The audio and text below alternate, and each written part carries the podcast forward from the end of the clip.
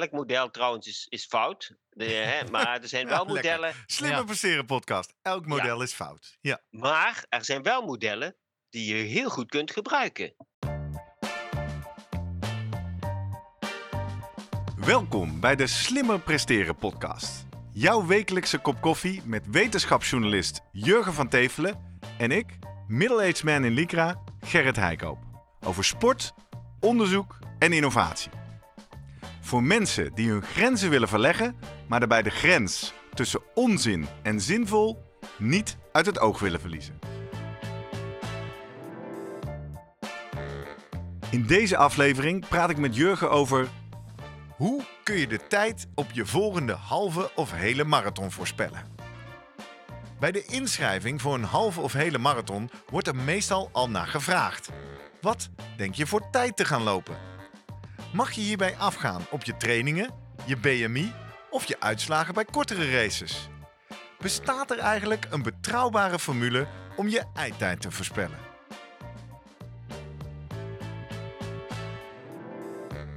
Voordat we beginnen, nog even drie dingen om aan te denken als jij zelf ook slimmer wilt presteren. Nummer 1. Druk nu gelijk even op abonneren, zodat je altijd direct in de gaten hebt wanneer er een nieuwe aflevering online komt. Nummer 2. Weet dat je Jurgen en mij ook kunt boeken voor jouw volgende bijeenkomst als spreker of presentator. Neem gerust eens contact met ons op via de contactgegevens hieronder. En 3. Deze podcast wordt geproduceerd en gesponsord door Live Online Events. Serieus goede content rondom jouw congres of event. Check www.loe.tv voor meer info. Jurgen, Hey, goedemorgen. Goedemorgen. Hoe is het met de kriebels in de buik? Die zijn aanwezig, zeker. Zeker, Ja. voor de mensen in de verre toekomst die deze aflevering aanklikken. Deze aflevering komt uit op vrijdag 27 oktober. En dat is dan precies twee dagen voor eh, zondag 29 oktober in 2023, zal ik erbij zeggen. De dag waarop wij het plan hebben om met zoveel mogelijk luisteraars naar Etteleur af te reizen voor de Brabant Marathon. Ja.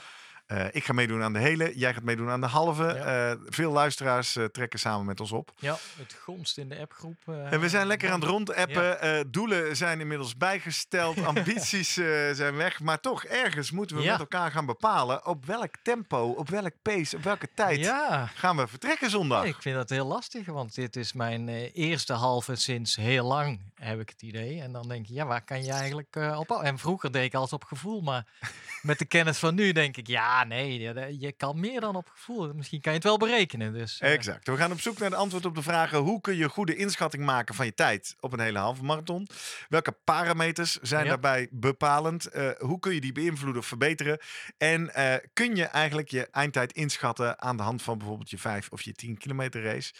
Eh, jij hebt wetenschap verzameld, dus we gaan op zoek naar wat zegt de theorie. Ja. En op het einde van de aflevering gaan we zoomen met Vroemen, coach Guido Vroemen, om te kijken of die jou nog een beetje Ja. op het rechte spoor kan Precies. zetten voor zondag. Ja, want kijk, in principe heb ik zoiets, ach, ja, ik, moest, eh, ik heb ingeschreven voor Rotterdam trouwens. Hè? is leuk om te weten. Was ja. je er op tijd Ik bij? was er op tijd bij, ja, gelukkig. Ja, even wel in een de- zijstapje. Binnen een week uitverkocht. Ja, wel de in de editie tweede van shift, dus 2024. ik moest al boven de 100 euro dokken. Dan denk ik, nou oké, voor deze keer doe ik dat. Ja, Nee, en dan moet je ook opgeven van wat denk je ongeveer te gaan lopen, hè? welke tijd. ja. Dus die heb ik op Wat heb je ingevuld? vier uur heb ik gehouden. Oké. ja. En denk ik, ja, Op basis waarvan? Ja, nou ja, op dat gevoel. dus niet. Op dat moment denk ik, nou ja, dat vind ik wel een mooie tijd. Want jij hebt wel eens een marathon gelopen in je Ja, leven. maar toen was ik 16 of 17. En toen liep je? Ja, volgens mij binnen de vier. Maar ik Ja. was ook een stuk jonger. Exact, exact. Ja, dus Ja. heb je eigenlijk niks meer aan die voorspelling. Nee. Dus ja, wat moet je ermee doen? Ja, mijn, eh, eh, nou, ik heb laatst in Werkhoven gelopen, de 10 kilometer. Ja, in. In 48 en een heel klein beetje. Mooi. Nou, die en hou je... was dat eh, RPE, gevoelde mate van inspanning? ja, die was toch wel richting de 8, 9, zeker. Oké, Dat dus dat was ik een ben, eh, goede test. Ja, dat was een goede test. Maar ja, mag je dan zeggen, oké, dan doe je 48 minuten over en een marathon is dan pak een beet eh, Vier keer 4, zoveel. komma- ja.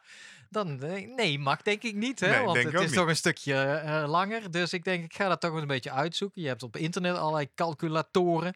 Hoe betrouwbaar zijn die? En je hebt natuurlijk de wetenschap die hier eh, zijn zeggie over wil doen of doet. Ja. Ja, Dus het is een uitdaging als je je moet inschrijven. Nou ja, hoe erg is Ja. het als je verkeerd doet? Nou, ik heb het wel eens meegemaakt. Dan, dan zit je vast in Ja. feite. Hè? Als, je, als je te langzaam zit je in een te langzaam startvak en dan kom je niet weg. Nou, Ja. Hoe erg is het? Ja maar je moet erg. uiteindelijk met Rotterdam heeft ook Pacers, hè? En dan moet je Exact, een Pacer Exact, mee. Dan, eh, exact. dan- nou als je dat wil. Hè? Die staan alleen in bepaalde vakken. Eh, nou, dat is nog klein leed. Eh, grotere uitdaging is natuurlijk precies wat we zeggen. Ergens moet je ook voor jezelf, zeker zo'n eerste marathon sinds lange tijd, of misschien überhaupt ooit, gaan bepalen. Op welk tempo ga ik eigenlijk Precies, beginnen? Waar ja. ga ik op weg? Ja. ja, en daar is natuurlijk die beoogde eindtijd Ja. ook belangrijk dat is, voor. en, en sowieso in de toekomst, stel dat je jezelf wil verbeteren, sneller Ja. wil worden. Nou ja, wa- waar moet je dan op gaan letten? Kun je dan zeggen, nou, ik doe af en toe een 10 kilometer loopje. En zolang ik daar iets sneller word, kan ik dat doortrekken naar, naar een marathon. Of zijn er een aantal parameters waar je aan kan werken in die training, die echt van invloed zijn op, eh, op jouw prestatie uiteindelijk. ja, En die, ja, ja, die zijn er, want daar hebben we natuurlijk in deze podcast heel vaak over gehad. V- De maximale zuurstofopname, VO2 max, de loopeconomie. Nou ja, dat zijn eh, dingen die meteen boven komen drijven. Maar eh, ja, uiteindelijk maar we er hebben ook het ook al vaak over gehad. Je kan daarmee best goed werken op een uur. Ja. Nog aardig in het tweede uur. Ja, Maar wat er na drie of vier uur sporten Ja. eh, gebeurt, ja. Lijkt niet goed in de formules te zitten. Dus dat doel je al een beetje op. De, ja, nou ja, er wordt altijd even nog terug naar die parameters die de fysiologen altijd Ja. zeggen. Die zijn belangrijk voor nou, je VO2 max eigenlijk, je maximale zuurstofopname. Dan eigenlijk bij welke snelheid of vermogen in jouw geval, als je dat kan meten eh, bij het hardlopen of fietsen. Bij, eh, eh, bij welke je net eigenlijk op die drempel zit. Hè? Ja. Het omslagpunt, waarbij je dat dus, nou ja, je noemt het al, een half uur, een uur vol kan houden. En dan hoe efficiënt je uiteindelijk jouw zuurstof kan omzetten in snelheid. Ja. Maar, en, en daar komt dan een kritisch snelheidmodel bij, kritisch vermogenmodel. Hebben natuurlijk met, met Guido werkt daarmee, weet ik. Ja. Maar eh, daar zit inderdaad, eh, nou ja, los van het feit, hier heb je een laboratorium voor nodig om, eh, om dit te gaan meten. Ja, je zou een Eh, inspanningstest kunnen doen. Ja, En op basis van dan bijvoorbeeld hartslagzones of vermogenszones. zou je daar een... zou je dan zo'n model Ja. kunnen pakken en dan krijg je al een Ja. eerste voorspelling. Ja, maar je kunt ook al hele andere dingen kijken. Namelijk hoeveel train jij in de week? Oh ja. Eh, en ehm, ja, hoe oud ben je? Leeftijd speelt ook weer een rol. Eh, ben je man of vrouw?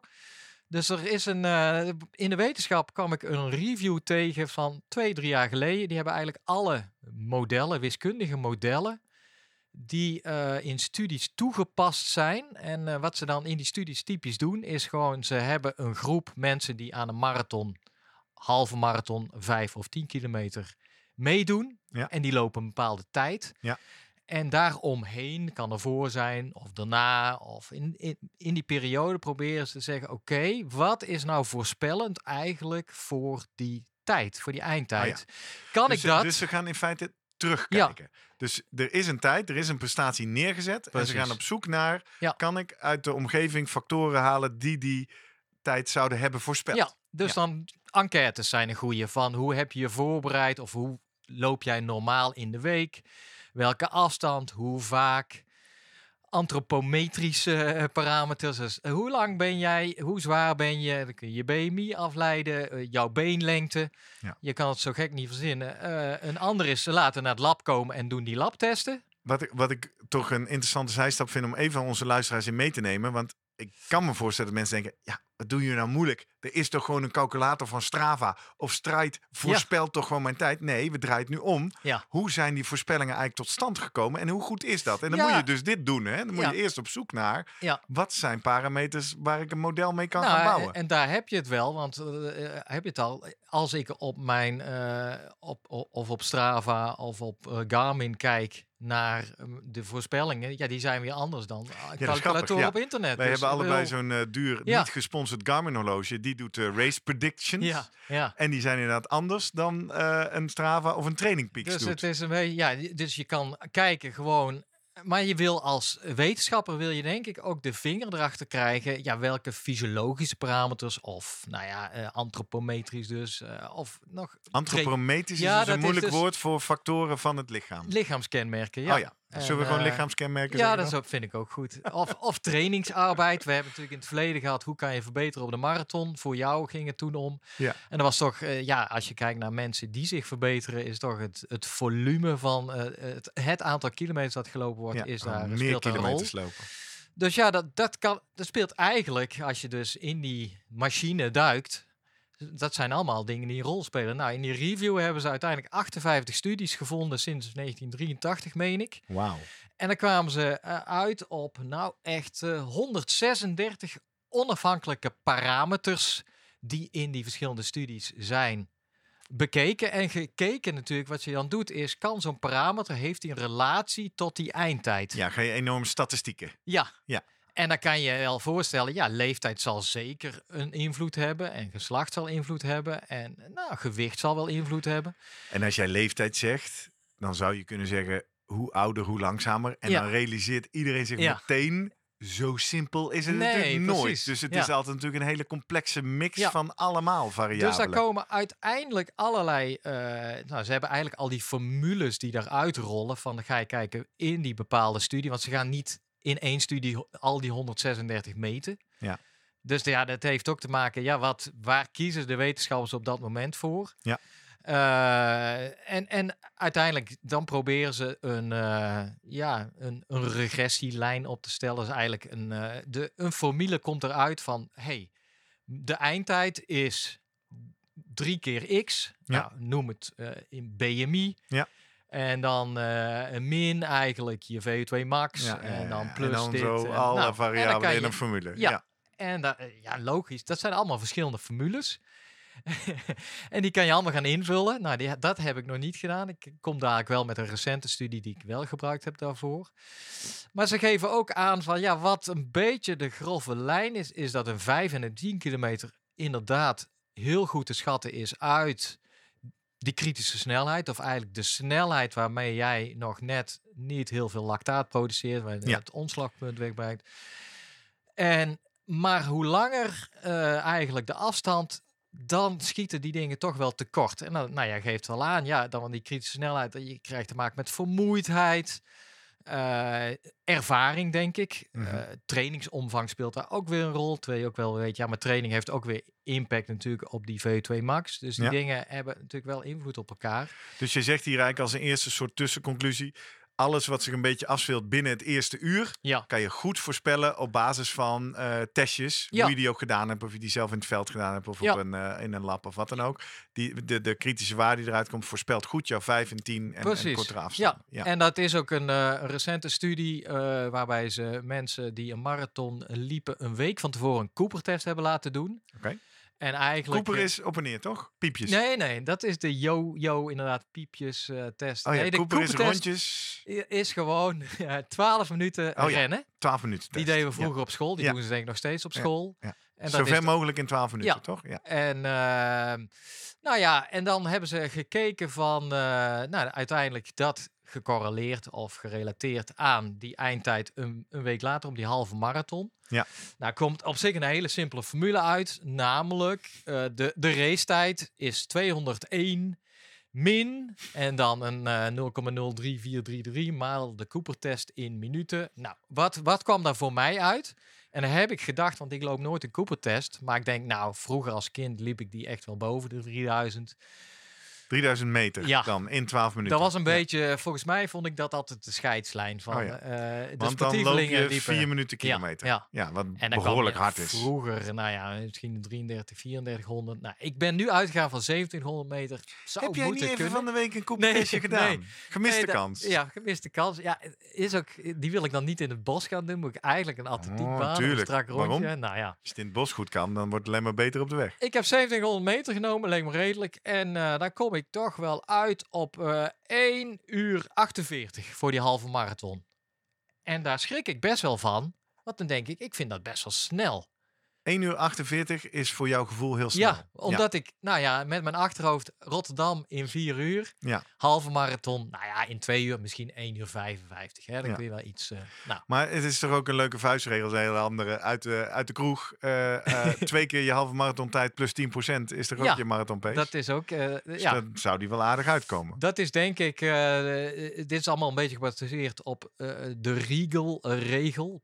Peter, Peter Regal, volgens mij heet hij, is een Amerikaan. Die heeft destijds, een coach, meen ik, gewoon allerlei tijden verzameld van zijn eigen pupillen en van anderen die hij destijds in de boeken kon vinden. En die vond inderdaad een soort eh, relatie of een, een logaritmisch, logaritmische eh, daling in de snelheid met een toename van snelheid, eh, van de afstand. Ja. En eh, die wordt heel vaak toegepast. Ik denk ook in veel calculatoren, onder andere drie, eh, die van de, het geheim van hardlopen. Eh, die staat op internet bij, bij ProRun. Eh, die heb ik namelijk ook ingevuld. En die gebruikt gewoon eigenlijk je 10 kilometer tijd kan je daar invullen. Ja. En dan komt hij met een heel rijtje. Waar loop je op de 3, op de 5, noem maar op. Ja. En ehm, daar kwam ik inderdaad uit op 1,46. Nou ja, je zit daar ook in de buurt. En eigenlijk die regel zegt dat die de snelheid op een marathon is eigenlijk de snelheid op 10 kilometer maal 90,4 procent. Nou, dus wat jij zegt, Oh ja. die 10 procent. Ja, ja, ja, ja, precies. Nou, ja, dat is een ja, beetje een vuistregel op die manier. Even, even een kritische vraag, want los van dat, het, dat wij het in de Slimmer Presteren podcast interessant vinden om in de wetenschap te duiken achter. Eh, wat gaat er mis als we nu gewoon weglopen en met deze vuistregel verder blijven leven? Ja, ik denk dan toch nog steeds dat er iets is van, ja, als, zolang ik, als ik niet getraind heb op die marathon, als ik alleen maar 10 kilometer heb gelopen, hè, snap je? Ja, ja. Dat dus is, die, die formule, ja, en precies. eh, ja, dus kan je dat zomaar doortrekken? Nee, je moet ook wel iets meenemen met mensen dat die dan ook daadwerkelijk voor een marathon. of je dat wel gedaan hebt en of jij wel eens eh, wat langer gelopen hebt en of jij Die je gut hebt. getraind Ja. hebt om te eten onderweg en zo. Ja, Dat ja. zijn allemaal factoren. En dat brengen we eigenlijk op die andere manier waar we mee begonnen. De fysiologische eh, eh, formules. Ja. Want dat is eh, ook weer een eh, studie volgens mij van 2019. Nou, die hebben uiteindelijk 134 lopers. Hebben ze een soort database van opgebouwd. Mhm. Die allemaal halve marathons lopen. Ja. In ieder geval. eh, en, en dat meerdere gelopen hebben. Vaak minimaal één. Ze hebben allemaal de halve marathon van Athene volgens mij gelopen. Ging het om. Mhm. En daar hebben ze toen uiteindelijk hebben die ook in die periode naar het lab laten komen en een inspanningstest laten doen. En dan nou, ook van alles gemeten, eh, wat ik net vertelde, dus aan zuurstofconsumptie, aan efficiency, ook aan BMI en aan leeftijd, nou, you name it. En dat ook zitten kijken welke parameters zijn nou echt bepalend, eigenlijk spelen echt een rol bij die tijd. Ja. Nou, en dan, het ging om 134 lopers, wat ik al zei, met, want dat is wel belangrijk. Wel, hoe, hoe ziet die groep eruit? Van 44 jaar. Gemiddeld hadden die al 13 halve marathons gelopen. Ja, ja. Dus dan zeggen wij ervaren lopers. Ja, precies. Dus Mannen en vrouwen door elkaar? ja, daar mag ik me nog niet mee vergelijken. Maar dat doe ik dan stiekem toch. De gemiddeld, eh, de snelste, nou, gemiddelde tijd die zij liepen, als, eh, in de snelste halve marathon ooit als 1,45. Nou, daar heb je het al. Want ge- 1,45 als snel. Oh, gemiddeld. Ik Ja. zeggen, want dat vind ik nog niet bijster. Ja, vind ik oké, maar niet super snel. Daar komen we zo op. Eh, zij trainen dan 53 kilometer gemiddeld in de week, vier keer per week. 53. Oh ja, weer Ja. gemiddeld. Ja. En nou, dan, dat is Dat al is veel. iets- Daar haal ik niet namelijk. toch? Nee. Op dit moment ook nog Ik op dit moment niet. ook niet. Misschien richting Mar of, eh, Rotterdam ooit, maar ja. ik kom echt uit op 30 misschien, 35. Nou, dan Wat al behoorlijk lekker is. Ja. Ja. Ehm, die hebben ze dan gekeken naar, eh, die hebben ze verdeeld in vijf groepen, naar aanleiding van hun eindtijd op die halve marathon. Ja. Nou, een snelle groep, die eh, liep binnen anderhalf uur. Kijk, ja, nou, dat een bovengemiddelde, een gemiddelde, een ondergemiddelde en een trage groep. En ik vind mezelf, denk dat ik wil horen bij de ondergemiddelde groep. Wil ik liever niet, maar zo is denk ik de praktijk als ik eh, daar bij Etteleur aan de start sta. Want die doet er tot eh 108, dus, dus 1 uur 48 tot 1 uur 57 over. Ja. Nou, dat past precies in mijn plan. Ja. Nou, dan moet je wel Even, even... kan je dat eens vertalen even naar tempo? Als jij 1 uur 48 over een halve marathon wil doen, wat is jouw eh, minuten per kilometer dan? Ja, dat, dat denk jij En wel. dan- ik ja, denk wacht. vijf en een half, Een leuke tip kunnen we, 5,40. kunnen we in de show notes zetten. Want voor zo'n wedstrijd ben ik dus heel vaak te vinden op de... Ik ga hem nu live hier in de uitzending even googlen. De Strava Race Pace Calculator. Ik denk dat ik ergens rond 5, En die, die kan namelijk precies dit. Dat is heerlijk. Eh, en ik merk dan dat ik heel vaak, hè, dan heb je op een gegeven moment zo'n doel pace. Ja. En dan wil je dus even uit, wat nou als ik iets langzamer Ja, loop, waar ja. kom ik dan op uit? En allemaal dat soort dingen. Dus die zegt, wat is je verwachte tempo? Ehm, ja, dus die gaat wel uit van tempo. Oh nee, hier, verwachte Ja, dus dan, jij wil, wat wil jij lopen? Nou, doe maar 1,55. Lekker veilig. Nee, oké. Maar wat, wat is een tempo wat jij zou willen lopen? Ik weet dat we dat moeten berekenen, maar ik moet deze andersom Oh, invullen. dan zou ik... Ik wil... 4,50 of zo? Vijf minuten? Nee joh, ik ben echt wel een stukje traag. Vijf en een half. Oh, echt? Ja, oké. Vul ik even in. Vijf en een half. Kijk, want dit vind ik dus heel leuk. 5 minuten 30 minuten kilometer. Finishtijd berekenen. En dan krijg je dus hier een hele tabel Ja. met 1 kilometer, 5 kilometer, 10 kilometer, 10 mijl. En dan ga ik naar half marathon. Ja, kom je op 1 uur 56 uit. Komt hij op een, eh, wel een, een, een, evenredig tempo, hè? Geen negative split. Ja, dit en, ding eh, noem maar doet op. gewoon heel dom. precies, gewoon eh Ja. één keer 5 minuten 30, Ja. twee keer 5 minuten 30. Hè? Dus een lineair eh, model. Ja, die kun je dan in je Ehm, hoofd dus houden, 1 uur ja. 56. En dan vind ik dus altijd leuk. Dan zeg je, ja, ik wil naar 1 uur 51. Dus dan maak ik van 5 minuten 30 de kilometer. Dus even 5 minuten 20 de kilometer.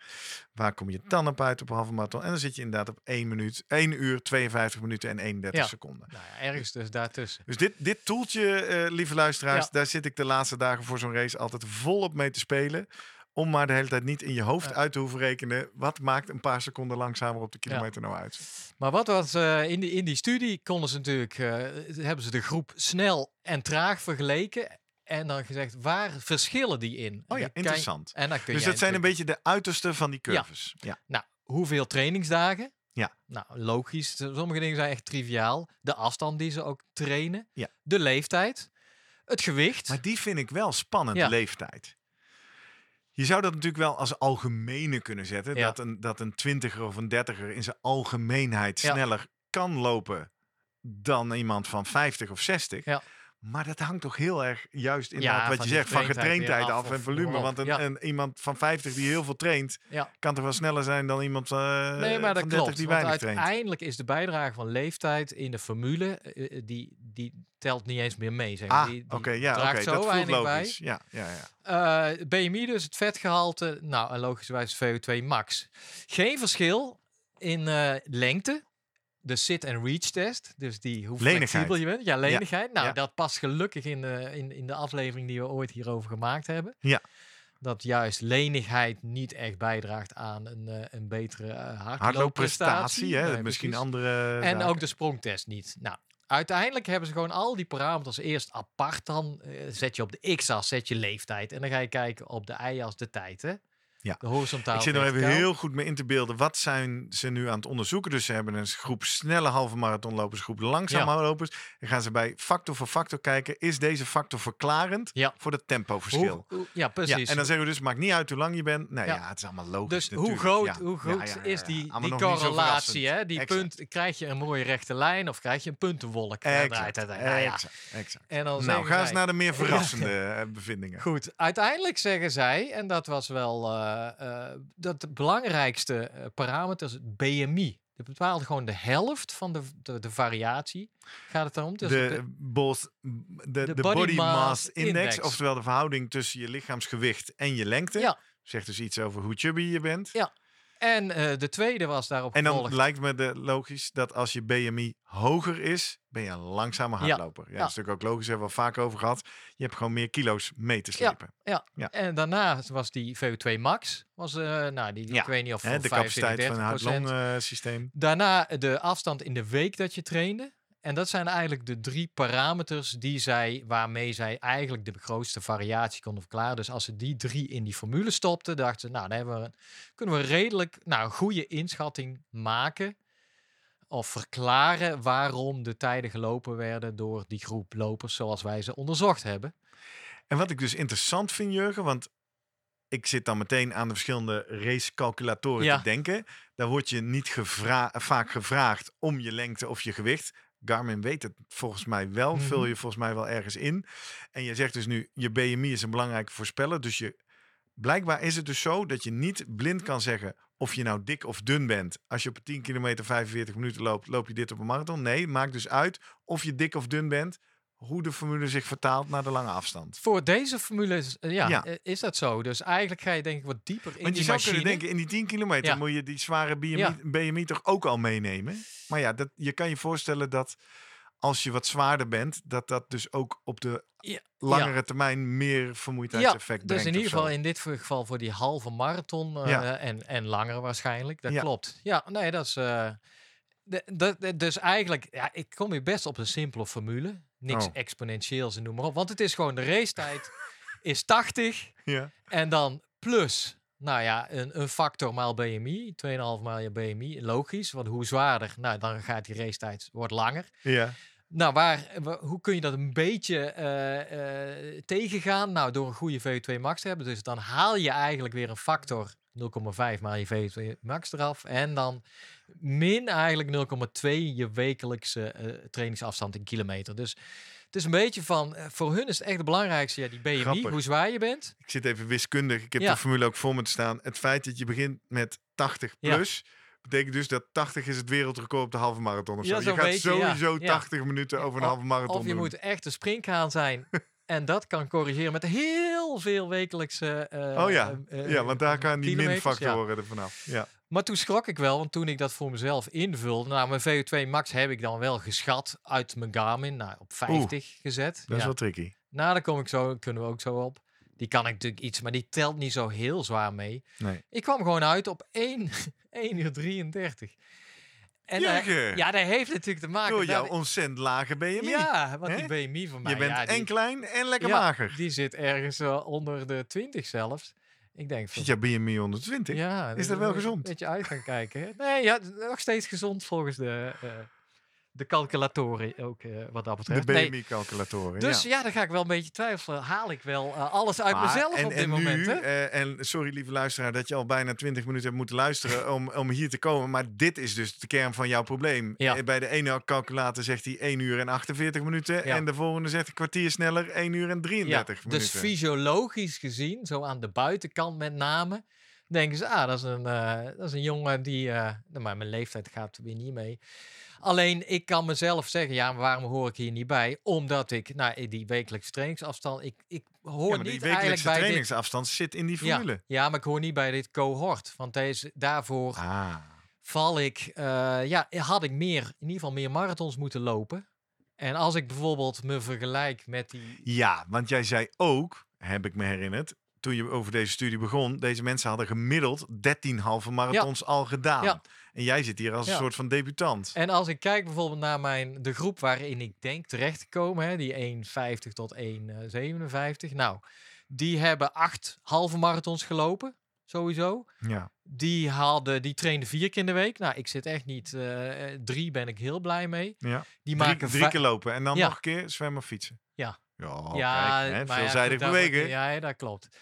Die halen 45 kilometer eh, afstand, haal ik ook niet. Die zijn eh, gemiddeld 46 eh, eh, jaar oud. Ja, haal je ook niet. Nee, dus Maar dat maakt niet uit, want je zegt leeftijd wordt uit de formule ja, geschrapt. dat klopt waarde. Maar ik denk nog steeds, ja, misschien ben ik een uitzondering hier. Maar ik, Misschien ben je gewoon wat nieuws, onzeker. in potentie denk ik dat er, p- ja, we misschien spreken elkaar over vijf halve marathons weer eens een keer. En, Je begint ja. helemaal te stralen. Ja, nou, dus, nou ja, in, in eerste instantie had ik dus, jezus, ik vind het wel heel snel. Maar wie Ik weet heb ik wel, het, best heb kan, ik wel het goede lijf ervoor. Alleen Exact, ik moet beetje het er nog trainen. even uit gaan halen. Ja. Ja, ja, interessant. en eh, nou, laten we dit zo eens voorleggen aan onze topcoach. Wat Ja. moet hij nou met zo'n atleet als jij? Ik wil er nog één klein ding aan toevoegen voordat we naar hem toe gaan. Ehm, we hebben het al vaak over gehad in deze podcast, over hardlopen op vermogen. Hele Ja. aflevering over gemaakt. En ik heb dus ook al vaker gezegd dat een van de dingen die ik er lekker aan vind, is de racetijd voorspellen Ja. en de pacing op basis van dat vermogen. Precies. En eh belangrijkste daar eigenlijk in vind ik de, dat het me heeft geholpen om mentaal een pace aan te durven. Ja, ja. Hè, want als ik kijk naar aanstaande zondag, nou, mijn voorbereiding is een beetje in de soep, wederom. Dus ik ga daar lekker voor het genieten en de gezelligheid en met de luisteraars lopen. En het interesseert me niet. Misschien doe ik er vier uur over, voor mij Ja, wordt vier en een half ja. uur. Ehm, dus als de stride nu tegen mij zegt dat ik een 336 ga lopen, dan denk ik, ja, poep jou, dat geloof ik niet. Eh, daar ga ik niet op weg. Maar toen ik bezig was met hoe snel kan ik eigenlijk, voorspelde hij mij tijden die ik mentaal, precies wat jij een beetje zegt voor zondag, nooit aan zou durven. ja. Maar doordat de wetenschap of het model dat zei, ben ik erop weggegaan en haal je het dan. Ja, toch wel. Oké. Dus dat is, het- er zit natuurlijk ook een enorme mentale component in dat eh paceplan voorspellen. Zeker. Hè? Dat is ook zo. Nou, kijk, maar, maar het heeft ook met het doel te maken. Hè. Mijn doel is Rotterdam uitlopen. Tuurlijk. Nou, en mijn- dus daarmee is ook mijn doel at de leur. Uitlopen, ja. Ja. En dan, eh, dan hoef ik echt niet te helemaal tot het gaatje gaan. Maar ik vind een verschil tussen het gevoel van nou 1,55 en 1,33 Ja, dat is mogelijk. Vind ik wel heel veel. Dat wordt wel echt fluitend. eh, dan zou ik fluitend zondag eh, gaan lopen. Nou, dat geloof Ik ga, ik, ik ga in. luisteren. Ja, Luister. goed. weet ik niet. Volgens mij ben ik nog Ja, ligt er dus aan wat ik ga doen. In Ja. theorie zou ik je binnen kunnen halen, maar volgens, misschien ben ik nog bezig. Nou, we gaan het Ehm, we gaan zoomen met Vroom. En dan zullen we hem eens even deze casus voorleggen. En eens even met hem dat ei kraken. Maar niet voordat ik nog een aantal mensen even een shout-out heet dat dan. Hè? Even wil noemen en bedanken. Ehm, wij maken deze podcast namelijk al eh, nu voor de 158ste keer. Eh, dat doen we met veel liefde, met heel veel plezier. Eh, maar je zult begrijpen dat dat ook de nodige productiekosten met zich meebrengt. Daar worden wij voor een deel door gesponsord door Live Online Events. En voor een ander groot deel door steeds meer luisteraars die zeggen... Deze podcast is mij veel waard. Ik wil vriend van de show worden. En dat doen ze dan op vriendvandeshow.nl slash slimmerpodcast. Eh vier mensen die ik even in het zonnetje wil zetten. Ronald Meijer, eh, die werd eh, vriend voor een jaar. Vinden wij eh, relevant. Hè? Je kan altijd kiezen per maand of per jaar. Doe het gelijk voor het hele jaar. Krijg jij één maand gratis. Betalen wij één keer transactiekosten. Ik zie de laatste tijd veel vragen van mensen zeggen... Oh, oeps, ik heb een maandelijkse betaling. Kan ik het omzetten? Staat niet zo goed uitgelegd op het platform vriendvandeshow.nl. Maar wat je moet doen is je maandelijkse betaling annuleren... en een nieuwe jaarlijkse afsluiten. Helaas is het niet simpeler. Eh, Michelle Boshoven werd ook vriendin van de show. Betteco de Boer werd het ook. En ook Raymond van Hemert. Dankjewel. Fijn dat je erbij hoort. Vrienden van de show, die mogen op onze vriend van de show, eh, of op onze slimmer presteren Strava Club, mogen ze naar binnen. Kunnen ze andere vrienden zien. Die zijn eh, uiteraard natuurlijk lid van onze eh, regionale WhatsApp chapters en communities. En gaan met ons mee naar evenementen zoals we zondag ook gaan doen. Leuk. Eh, als je er nog niet bij hoort, meld je gelijk even aan. Zullen we eens even naar Guido Vroemen gaan? We Goed gaan plan. zoomen met Vroemen. We gaan zoomen met Vroemen. Zoom, zoom, zoom. Vroom, vroom. Guido, goedemorgen. Goedemorgen, Guido. Goedemorgen, heren. Hey, het, is, eh, het zijn spannende dagen. Het is die één na laatste dag. Hè? Die dag dat we nog vanavond even goed moeten slapen. En dan morgennacht lekker spannend eh, wakker liggen over op welk tempo moeten we nou vertrekken zondag. En eh, ja, Ja. ik, we moeten jou maar eens erbij halen als succescoach en topcoach. En sowieso ook man van de data. Want onze Jurgen komt er niet uit. Jurgen Nee. heeft net geschetst Ik word allerlei heel- Ik rekenmodellen. word helemaal gek van al die calculatoren. en dan zijn er nog wetenschappelijke studies die bepaalde Oh, mooi. formules. En nou, de ene zegt eh, 1,33 is haalbaar omdat ik lekker licht ben en een laag BMI. Ja. En dan, eh, ja, die calculatoren gaan al richting 1,45, 46, 47. Maar ik zelf heb zoiets, ja jongens, hoezo? Ik heb al eh, eh, 10 jaar geen halve marathon gelopen, 15 jaar niet. Wees blij dat ik hem binnen de twee uur doe. Wat moet ik doen, Ah. Guido?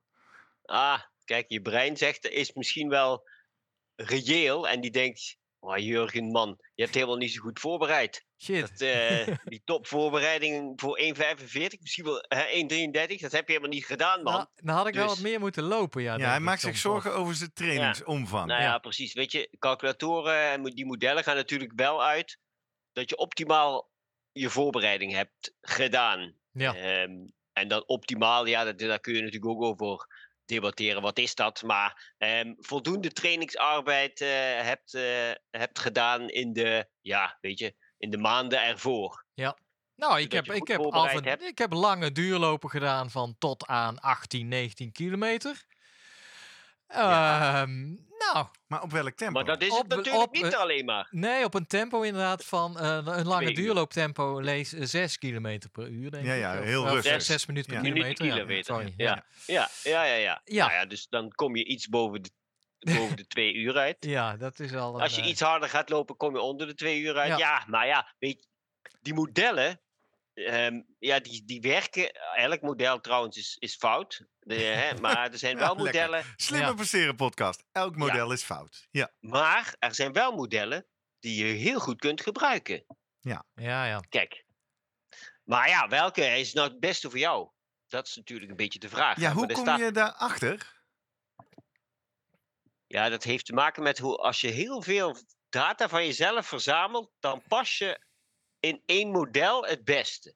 Mhm. Dat, dat zijn eigenlijk, ja, ja eh, R kwadraat. Hè. Wat zit het dichtste bij jouw lijn? Waar heb je een, het minste afwijking van? Welk model? Ja. Mhm. En dat heeft ook te maken met ehm, hoe zit je in elkaar? Hè? Daar hebben we het al eens vaker over gehad, over je, je energiesystemen, je anaerobe systeem, je aerobe systeem. En sommige hebben, nou, bijvoorbeeld als ze, als ze modellen gaan werken met een, wat heb je op een 5 gelopen, wat heb je op een Ja. 10 gelopen. Hè? Dan gaan ze daarna hè, naar de 15, de 20, of de halve marathon en de marathon gaan ze voorspellen. Maar ja, als jij iemand bent die, nou ja, sterk is, die kan best een harde 5 lopen. Maar ja, die zakt dan naar de 10 en naar de halve marathon steeds verder in. Dus die Ja. heeft een groter verval naarmate het langer wordt. Je hebt ook mensen die wat minder anaeroop vermogen hebben. En die lopen gewoon een 5. Misschien ietsje beetje harder dan een 10. En dan weer een ietsje beetje harder is die 10 dan de halve. Dus daar zit heel weinig verval in. Ja. Die verval ehm, constante is natuurlijk heel belangrijk. Om uit te komen bij een, een tijd die je dan zou kunnen lopen.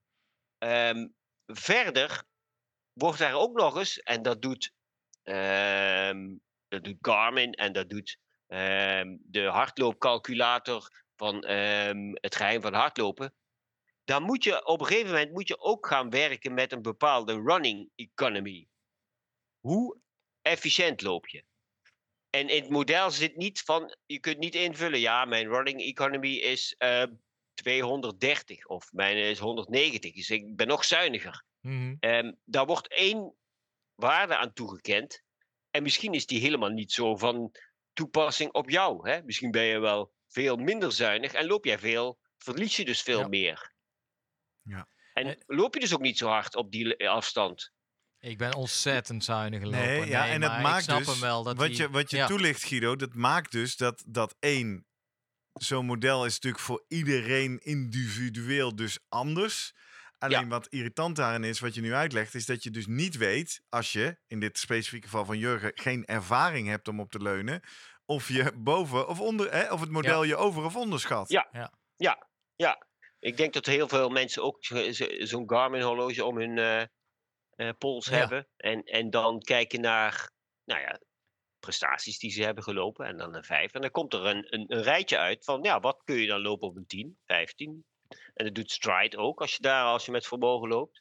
Nou, daar komen dan mooie, daar komen mooie waardes vaak uit. Dus ik denk, nou maar, wacht, dat kan ik echt, dat haal ik bij zo lang zal ze leven niet hoor, dit. Nee, ja, dat, dat vertelde ik net voordat we je gingen zoomen. Dat die Ja. stride-voorspellingen zijn nogal ambitieus. Maar dat krijgt dan ook een soort, had in ieder geval vorig jaar voor mij, een soort self-fulfilling effect. Hè? Dat ik denk, oké, Ja, ja, ja, ja. als het klopt, model zit- zegt dat het kan, misschien moet ik het dan maar durven.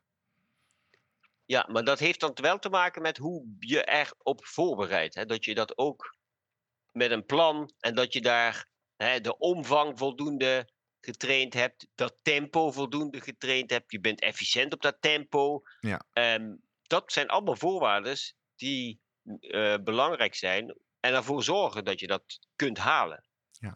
Wat moeten we dan met deze casus eh, J. punt van Tevelen, die een bandbreedte tussen 158 en 103, Ja, ja, ja. of eh, het wel. 158 en 133 krijgt voor zondag? Ik, ik weet het wel. Zeg eens. Ja, wij kennen Jurgen ondertussen wel. Ja. Dat En- denk je, ja. Ja, wat hopen we dan? Laten we het. eh, Oké, dan, dan ga ik een voorstel doen. We kennen hem een beetje. en Jurgen is wel een gevoelsmens. Ja, Die, ge- die loopt graag op gevoel en niet op de cijfertjes. ja. Want dat vindt hij allemaal een beetje eh, moeilijk, lastig Ja. en gedoe. Dus laten we zeggen, ga op je RPE lopen. Gevoel. Dat je Ja. denkt, nou weet je, dit is een gevoel waarvan ik denk, nou dit kan ik wel een halve marathon volhouden. En als je dan nog in de laatste vijf kilometer zit, dan denk je, nou weet je, ik, ik heb nog wat over. Ik doe er nu een schepje bovenop. Dat voel ik goed. Dit past helemaal bij mij, eh, Guido, Ja. eigenlijk. Aha, Ja. Ja, ja, dat maar dacht ik ik vind het toch interessant, want ik dacht even, op gevoel lopen. Je kan natuurlijk zeggen, gevoel, daar hoort een bepaalde pijn of hijg of Ja, ongemak alles, bij. van alles. Ja. Ga maar op eh, schaal eh, eh, 0 tot 10 op de 8 lopen. Of voor mij part op de 6 of de 7 lopen. Maar dat is eigenlijk niet wat je zegt. Je zegt, ga maar op het gevoel, dit kan ik een halve marathon volhouden. Maar dat is het Ja. probleem. Dat weet hij niet, want dat heeft hij nooit gedaan. Nou, hij weet wel wat hij. Nou, hij heeft wel een lange duurloop gedaan. Ja. Van twee uur. Hè? Ja. En ehm, dat gevoel weet hij dan. Dus hij moet iets harder. En hij weet, hij heeft ook wel eens een 10 gelopen. Zeker. 48 dus dat- minuten. Nou ja, precies. Dus je weet, dat tempo moet ik dus niet gaan lopen. Ik moet rustiger. Ja. Hè, vijf minuten kilometer, iets is rustiger, maar zes minuten is dan weer te langzaam. Ja. Nou ja, daartussenin moet je dus gaan, nou ja, een beetje schakelen en, en aftasten van hoe voelt dit? Hè? Loop, ik loop nu vijf minuut 15 de kilometer. Gaat dit toch goed? Hè, dan loop je in ieder geval niet knetterhard, dat je nu eh, vijf kilometer later helemaal ingestort bent.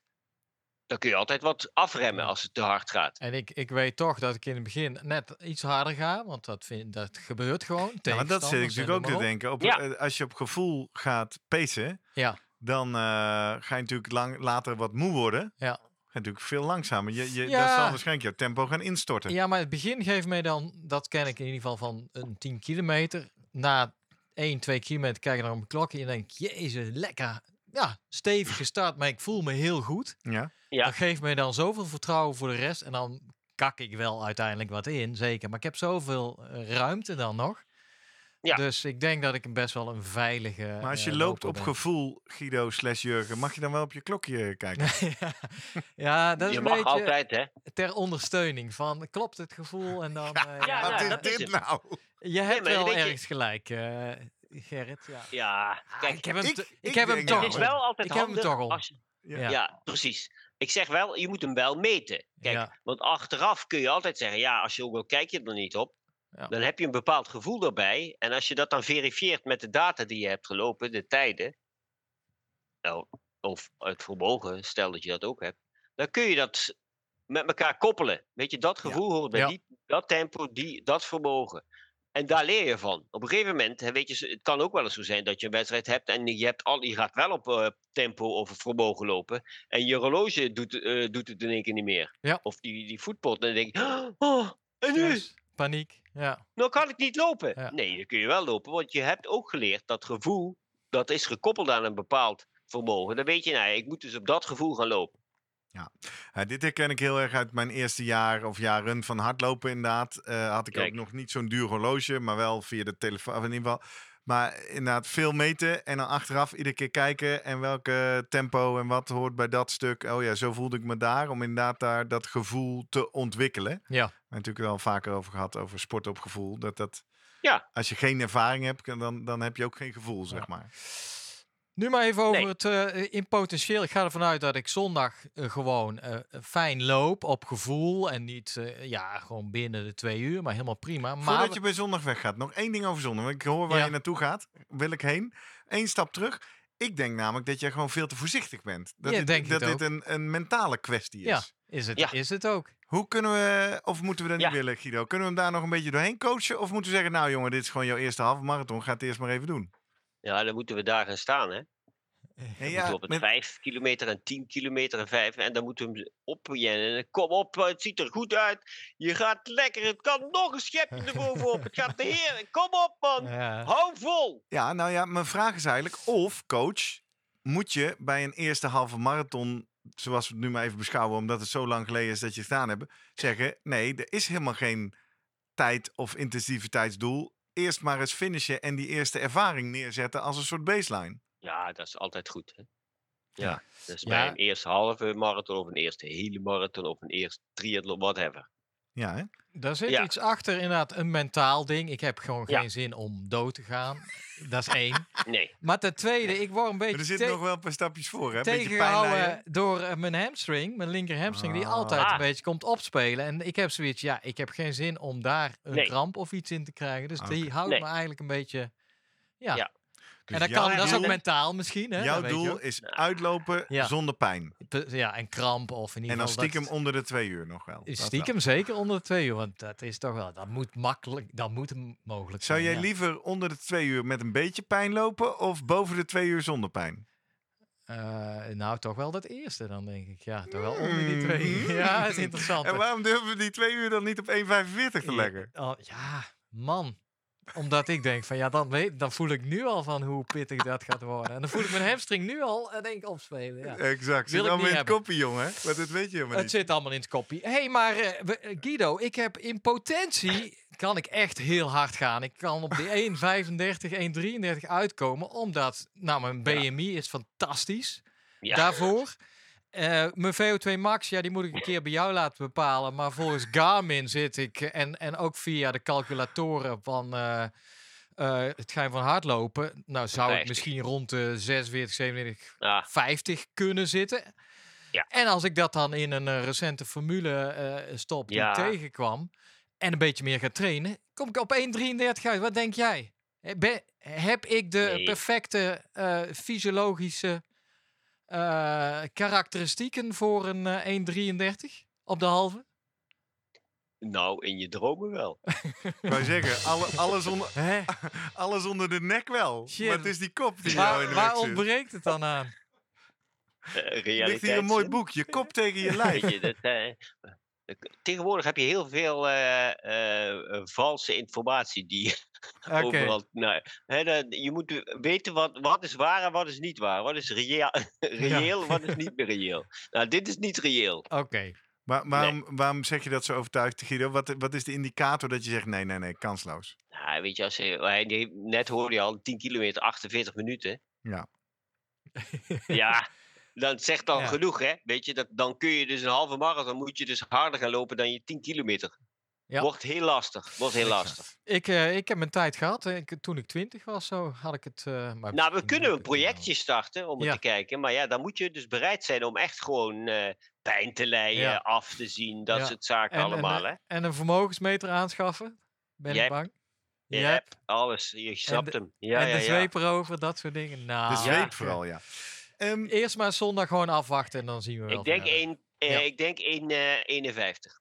nou, precies. Maak jij eens even je bruggetje waar je naartoe op weg was. Dat Oh, was eigenlijk mijn vraag van in potentie waar ik. eh, Waar je uit wil komen. Ik dacht Ja. dat jij ook richting Rotterdam eh, begon te praten. Ja, nee, dan is de Oh. volgende stap inderdaad Rotterdam. Gelukkig is inderdaad Garmin zegt nu nog, eh, Garmin zegt 419, dus dat is echt werk aan de winkel. Want als ik op die calculator van die Wat Regal, 419? dat ik daarop uitkom. Oh, je race predictor Ja. zegt een hele marathon Ja. 4 uur en 19 minuten. Terwijl die andere formule, die uitging van zo'n 5% een beetje, eh, en wat jij al aangaf, De vuistregel. Ja. Twee keer je halve plus 10 procent. dan, dan zit ik al eh, binnen de vier uur. Nou, dan denk ik, hoep. Nou ja, dan hoef ik niks meer te doen. Dan eh, loop ik nu al vier.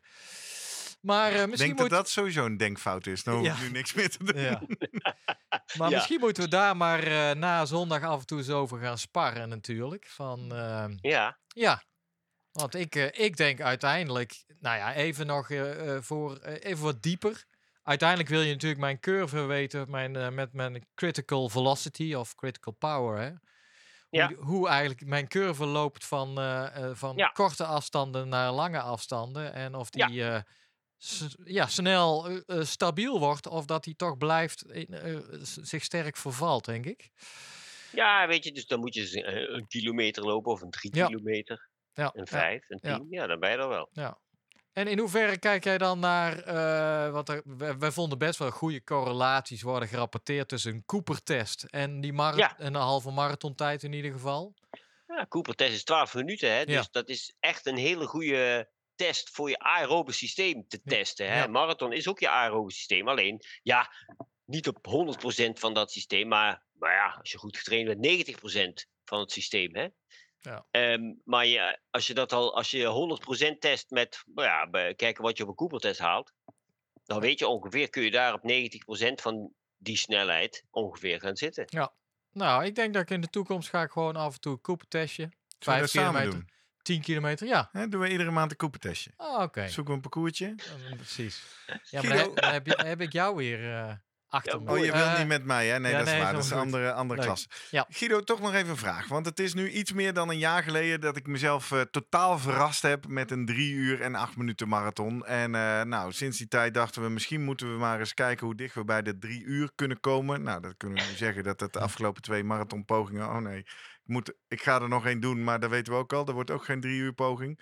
Ehm, jij stuurde mij toen een jaar geleden het befaamde tabelletje. Vaste luisteraars hebben Ah. het daar vaker over gehoord. Hebben daar ook al wel eens naar gevraagd. Ik heb hem even bijgezocht. 800 meter, 1000 meter, 1500 Ja. meter, 3, 5, Ja. 10, 15, 20, 21, 1, 25, 30, 42 kilometer. Haalbare tijd. En dat heb ik toen als een soort, nou precies waar het in deze aflevering over gaat. En waar ik Ja. dus nu dus even wil checken, hoe goed is dat dan? Zo van, als je dit kan op een 3, of dit kan op een 5, of dit kan op een 10, Ja. of andersom. Ja. Als jij drie uur op een marathon wil lopen, dan moet je toch zeker wel dit op een 10 of dit op een 5 kunnen. Ja. Eh, wat is de waarde of kwaliteit van dit tabelletje dan? Waar komt dit dan vandaan en wat neemt dat allemaal mee? Nou, het is hetzelfde, hetzelfde model een beetje. Hè? Dus eh, ehm, percentage van, van je max. En die kortere afstanden worden natuurlijk steeds moeilijker om dat in te schatten. Maar die zeggen ook niet zo heel veel. Kijk, als je een 800 hard kunt lopen, zegt dat niet zo heel veel of je een marathon hard kunt Mhm. lopen. Nee. Maar ga je naar die, nou ja, laten we zeggen vanaf 3, 5, 10, 15 halve hele. Dat zegt wel iets over elkaar, hè? want die 10 kilometer tijd, die zegt wel iets over hoe hard je een halve marathon of een hele marathon wel in je mars zou kunnen hebben. Ja. Je moet een beetje zien dan, als je daar je PR op de 10 ziet, dat zoek je op, dan is de PR op de marathon, als je heel goed getraind bent, optimaal alles gaat, is dat getal wat daar staat, op die Ja. tijd. En toch even mijn vraag. Weet jij wat deze, wat deze berekening... Nee, want dit, dit is dan weer al die modellen platgeslagen naar afstand en tijd. vermogen. verval. Hè? Er zit Ja. ook een, in het boek eh, Het geheime hardlopen, daar he- hebben we het ook over een, ah, een- verval van eh, in de tijd. En een constante van Riegel. Ja, En die, dat, dat, dat is een, een, afname. eh, en per persoon is dat ook verschillend. Als je heel erg veel type 1 vezels hebt, ben je natuurlijk goed gebouwd voor hele lange duren. En dan is het verval maar in de tijd 0,05. Hè, dus zeg maar 5% als je het verdubbelt. Ja. Maar voor, voor mensen die wat meer type 2 en dus anaeroop sterk zijn, die hebben meer verval, die gaan al naar de 7%. Ja. En alles wat ertussen zit, 6,5, 6, 5,5 procent, hè, dat heb je ook allemaal ertussenin zitten. Dus het, daar zit het natuurlijk wel een beetje in. Ehm, en daar, eh, volgens mij hebben we in deze tabel, denk ik, de, 0, de middelste genomen dan. De, het, het is 0,06. ja, dat is vaak wat Riegel inderdaad eh, laat Ja. zien. Hè? Dus de formule is dan Ja. T2 gedeeld door T1 Ja. eh, is Ja. Wat D, is T2 wat ja, is de T1? tijd die jij... Stel, jij eh, bent bekend met een 10 kilometer en je gaat nu 20 kilometer Oh ja, lopen. Oké, Het ja. dubbele. Dan is 10 kilometer is de eerste. Ja, is eigenlijk T1, ja. T2 gedeeld door T1 is de tijd op de 10 kilometer. Is Ja. de afstand van D2 D1. Dat ja, is dat is ook weer de 20 eerste en tweede 10, afstand. Ja. ja, Maal, en dan die, komt die exponent 1.06. Ja. En dat is die van Riegel. En die geeft eigenlijk aan dat je... Nou ja, tot een de soort- macht 0,06. hè? Ja, Min. precies. Ja. Ja. Ja, precies. En voor de luisteraars die ook eens een keer richting drie uur zouden willen. Ik vind het toch altijd fascinerende en motiverende cijfers. Waar je denkt, oh ja. Ja, Dat- vertel maar wat je op de 10 moet lopen dan. Op Ja. de 10 moet je 38 minuten Ja. en 34 seconden lopen. Dat heb jij ook nog wel gehaald? Dat heb ik volgens mij net niet gehaald. niet. Ik heb wel net onder de 39 gelopen, maar volgens mij niet Ja. zo diep in de 38 toen in Voorthuizen. Op Dus- de 15 kilometer moet je 59 minuten en 31 onder het seconden uur, hè? lopen. Ja. Die heb ik gehaald. Ik kan er bijna niet meer geloven. Nee. Ik heb dus vorig jaar op de Zevenheuvelen onder het uur gelopen. Maar let op, dat was dus Zevenheuvelen. Dus ik weet wel dat in die laatste 2,5 kilometer naar beneden Mm. heb ik op mijn dikke zolen met 7 mijlslaarzen zo verschrikkelijk hard gelopen. Ja, maar voor- daarvoor moest je omhoog. Dat vind ik, Ja, ik vind dat knap. ja, Dus, ik vind het eh, ook ja. nog steeds knap. Ik kan bijna niet meer geloven dat dat Nee. gebeurd is. Eh, je zou dan 1 uur en 20 minuten en 58 seconden, zeg maar 1 uur 21 over 20 kilometer moeten lopen. 1 Ja. uur en 25 minuten en 45 seconden op je halve halve. marathon. Heb ik nooit Ja. gehad. Ik heb toen vorig jaar in voorbereiding op die eh, Amsterdam liep ik in Den Haag. Die uitgestelde CPC 1,28 hoog geloof ik. Ja. Ja. Dus ehm, en, En wat zijn de vijf kilometer? Wat had je daar? de moest je 5 daar dan moet je staat 19 hier of 18. Ja, 18 18 nog wat. minuten en 22 seconden. Heb ik volgens mij zat wel toen gelopen. Nou ja, precies. Dus daar zie je. In het begin zit je er aardig dichtbij. Ja. En ik denk dat dat ook komt door je anaerobe aanleg type 2, type 2a, type 2x vezels. Ja. Die, die kun je dan goed gebruiken. Maar naarmate het langer wordt, loop je een beetje uit het model en verlies je meer. Ja, precies. Want bijvoorbeeld, het gaat tot 1000 meter terug en 800.000 meter, 3 minuten en 17 seconden. Daar word ik dan weer niet zo zenuwachtig van. Dan Ja. denk ik, nou, dat kan ik wel. Nee. Jij bent eigenlijk een, een. Mila, een midden- en lange afstand. Ja, ik eh, denk het. Middellange Ja. afstand Dat zei wel laatst iemand tegen me, Guido. Dat is ook wel leuk. Iemand zei tegen mij, wat... Oh, dat was Lucas. Lucas van Rosmalen, Ja. vastluister. Hij zei, wat zit jij nou toch te kutten met die marathons, jongen? precies. Dat ben je helemaal niet het type voor. Ja. Ga snelle tiens en snelle halve marathons doen. Dacht ik, ja. Ja, Ja, nee, ja, nog iets ja. korter eigenlijk. Jij hebt Nog ook, iets korter, hè? Jij hebt ook niet Ja. de bouw. Hè? Nee. Jouw BMI Nee, maar jij weet, dat, dat is op zich, je bent inderdaad, denk ik, eh, we kunnen wel eens een, een spierbiop nemen. Ja. Maar ik weet niet of dat nou zo lijkt. Maar we kunnen ook wel eens zo- zo'n scan doen, eh, eh, een Ja. Ja. Kunnen we zien, ik denk dat je namelijk best een groter aantal type 2 vezels hebt ten opzichte van gemiddelde, zeg maar. Ja. En daardoor dus meer aanleg hebt voor de wat kortere inspanningen. Dus in plaats van mijn leuke idee, ik ga verder met de bingo-kaart van Nederland alle Nederlandse marathons doen, vind ik nog steeds qua exploratie. leuk, hè? Ja. Gerben Bakker, wat drijft je? Verzamelen, jagen, verzamelen, vind ik nog steeds een leuk doel. ja. kan ik over tien jaar ook misschien mee verder. Zouden we misschien 2024 in het teken van eh, de snelste vijf moeten zetten? Dat is altijd een, mooie uitdaging, ja. Maar, Ja, en weet je, het is namelijk niet zo dat eh, sommige mensen of lopers zien er vaak van, ja, ik heb nu een vijf gelopen, dan ga ik een tien. En dan eh, heb je een tien, dan ga je een Het wordt Ja. steeds langer en langer, dan wordt dat de uitdaging. Maar ik zeg vaak wel, ja, je hebt nu een vijf gelopen, inderdaad. Ga nu maar eens proberen steeds sneller die vijf te lopen. Ja. Maar dat brengt me en dan met- zouden we dus, eh, Ja. wat ik al wel aan, heb je, ge- aan je heb gevraagd, maar nog niet tot uitvoering kom, maar met deze motivatie misschien, dan zou je dus meer met krachttraining, meer met explosiviteit, zou je nog meer dat explosieve Ja. gaan ja, aanjakkeren ja, in meer snelheidstraining. Ja. Ja, meer snelheidstraining.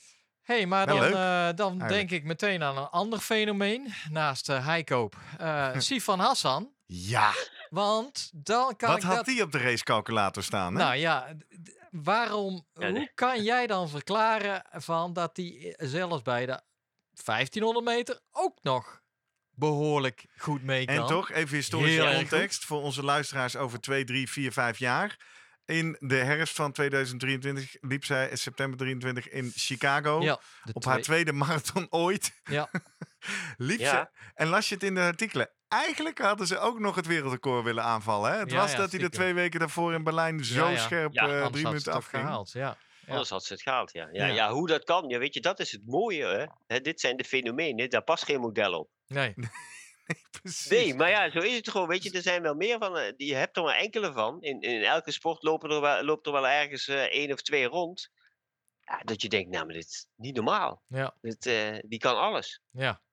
Ja. Nou, en die is dus alles. heel plastisch, lijkt het wel. Dat ze heel snel de transformatie kan maken, zelfs binnen een paar maanden. Omdat ze een tijdje voor die marathon deed ze nog gewoon mee natuurlijk met Aan het eh, WK wereldkampioenschap. Atletiek. Ja. Liep ze in ieder geval de, Ja. ook de Maar 5 Guido, Ja, ik denk wel, Ja. Ja. ik denk wel dat haar, zeg maar, haar aerobe systeem is echt wel ja, fenomenaal. Ja.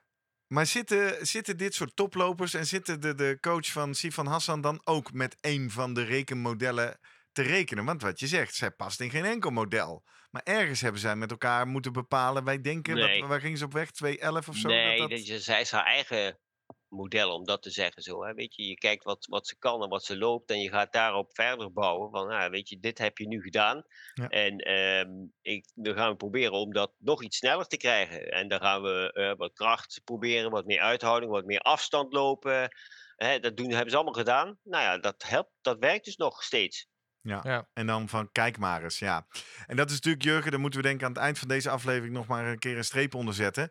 De premisse waarop wij... Premisse, moeilijk woord. Maar het vertrekpunt van deze aflevering Ja. is natuurlijk de vrees om deze berekening verkeerd te maken. Zeker. Ja. En de echte antwoord is natuurlijk nou en.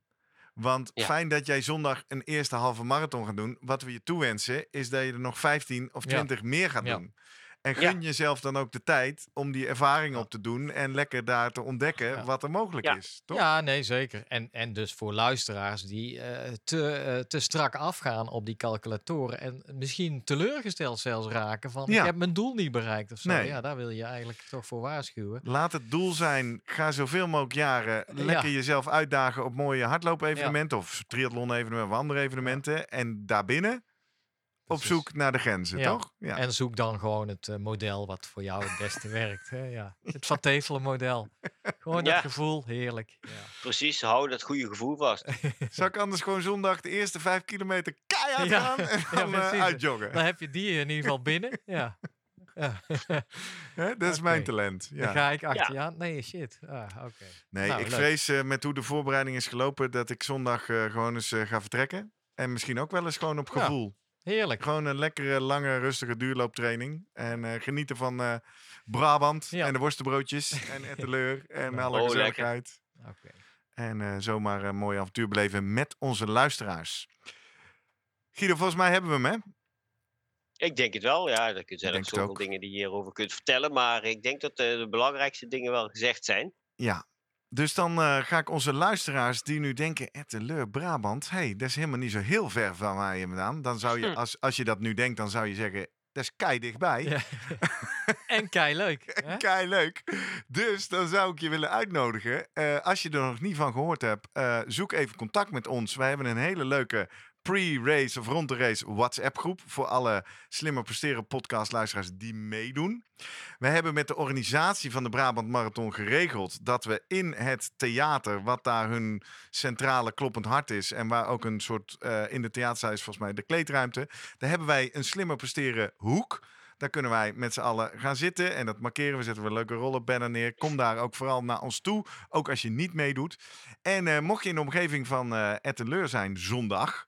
Kom dan vooral ook kijken en aanmoedigen en high-fiven en eh, gezellig met ons kletsen.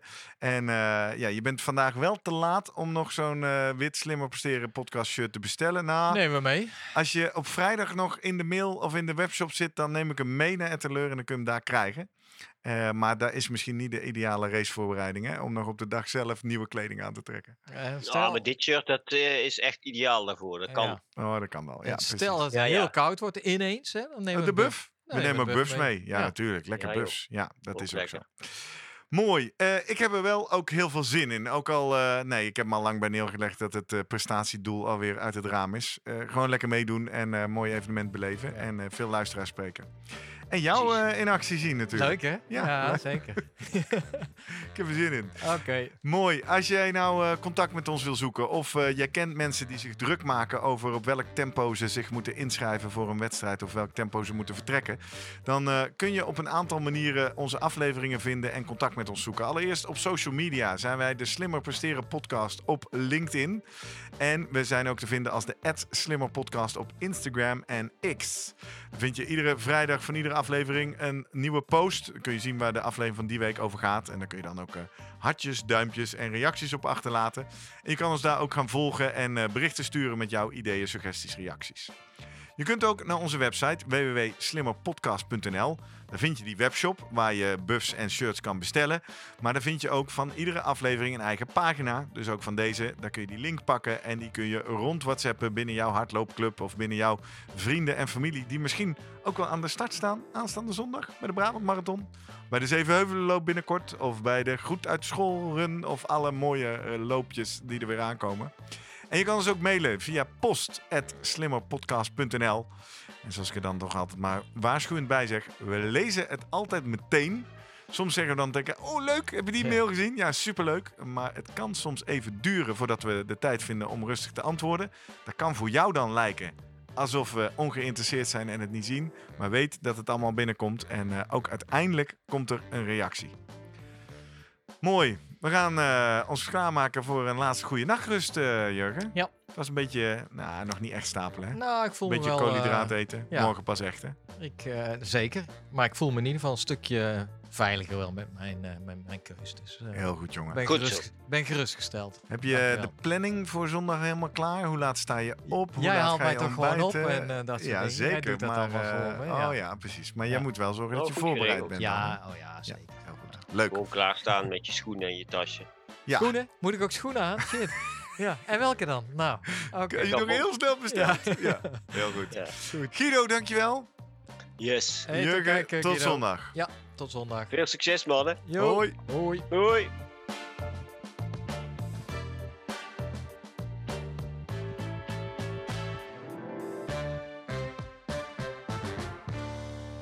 Dat je nog luistert helemaal aan het eind van deze aflevering. Waar we nog een luistertip voor je hebben uit onze rijke archieven van de Slimmer Presteren podcast. Al meer dan 150 afleveringen met inspiratie uit de fysiologie, psychologie, voedingsleer en nog veel meer. Jurgen, aan het eind van deze afleveringen, welke luistertip willen we nog geven? Ik zou zeggen, luister naar aflevering 123. Is niet alleen voor mezelf goed. Als ik eh, na zondag hopelijk die halve marathon in Etteleur heb eh, gelopen en denk van, hé, hey, maar eh, ik ben nog niet tevreden over mijn tijd. Ik wil mezelf verbeteren. Ik wil beter worden. Dan is eh, aflevering 123 heel erg goeie. Dat is eigenlijk, ja, hoe blijf je jezelf verbeteren op de marathon of halve marathon? Ja, en de belangrijkste tip, die ga ik maar gelijk even toepassen. Ik ga nog een stukje lopen. Ja, kilometers maken inderdaad.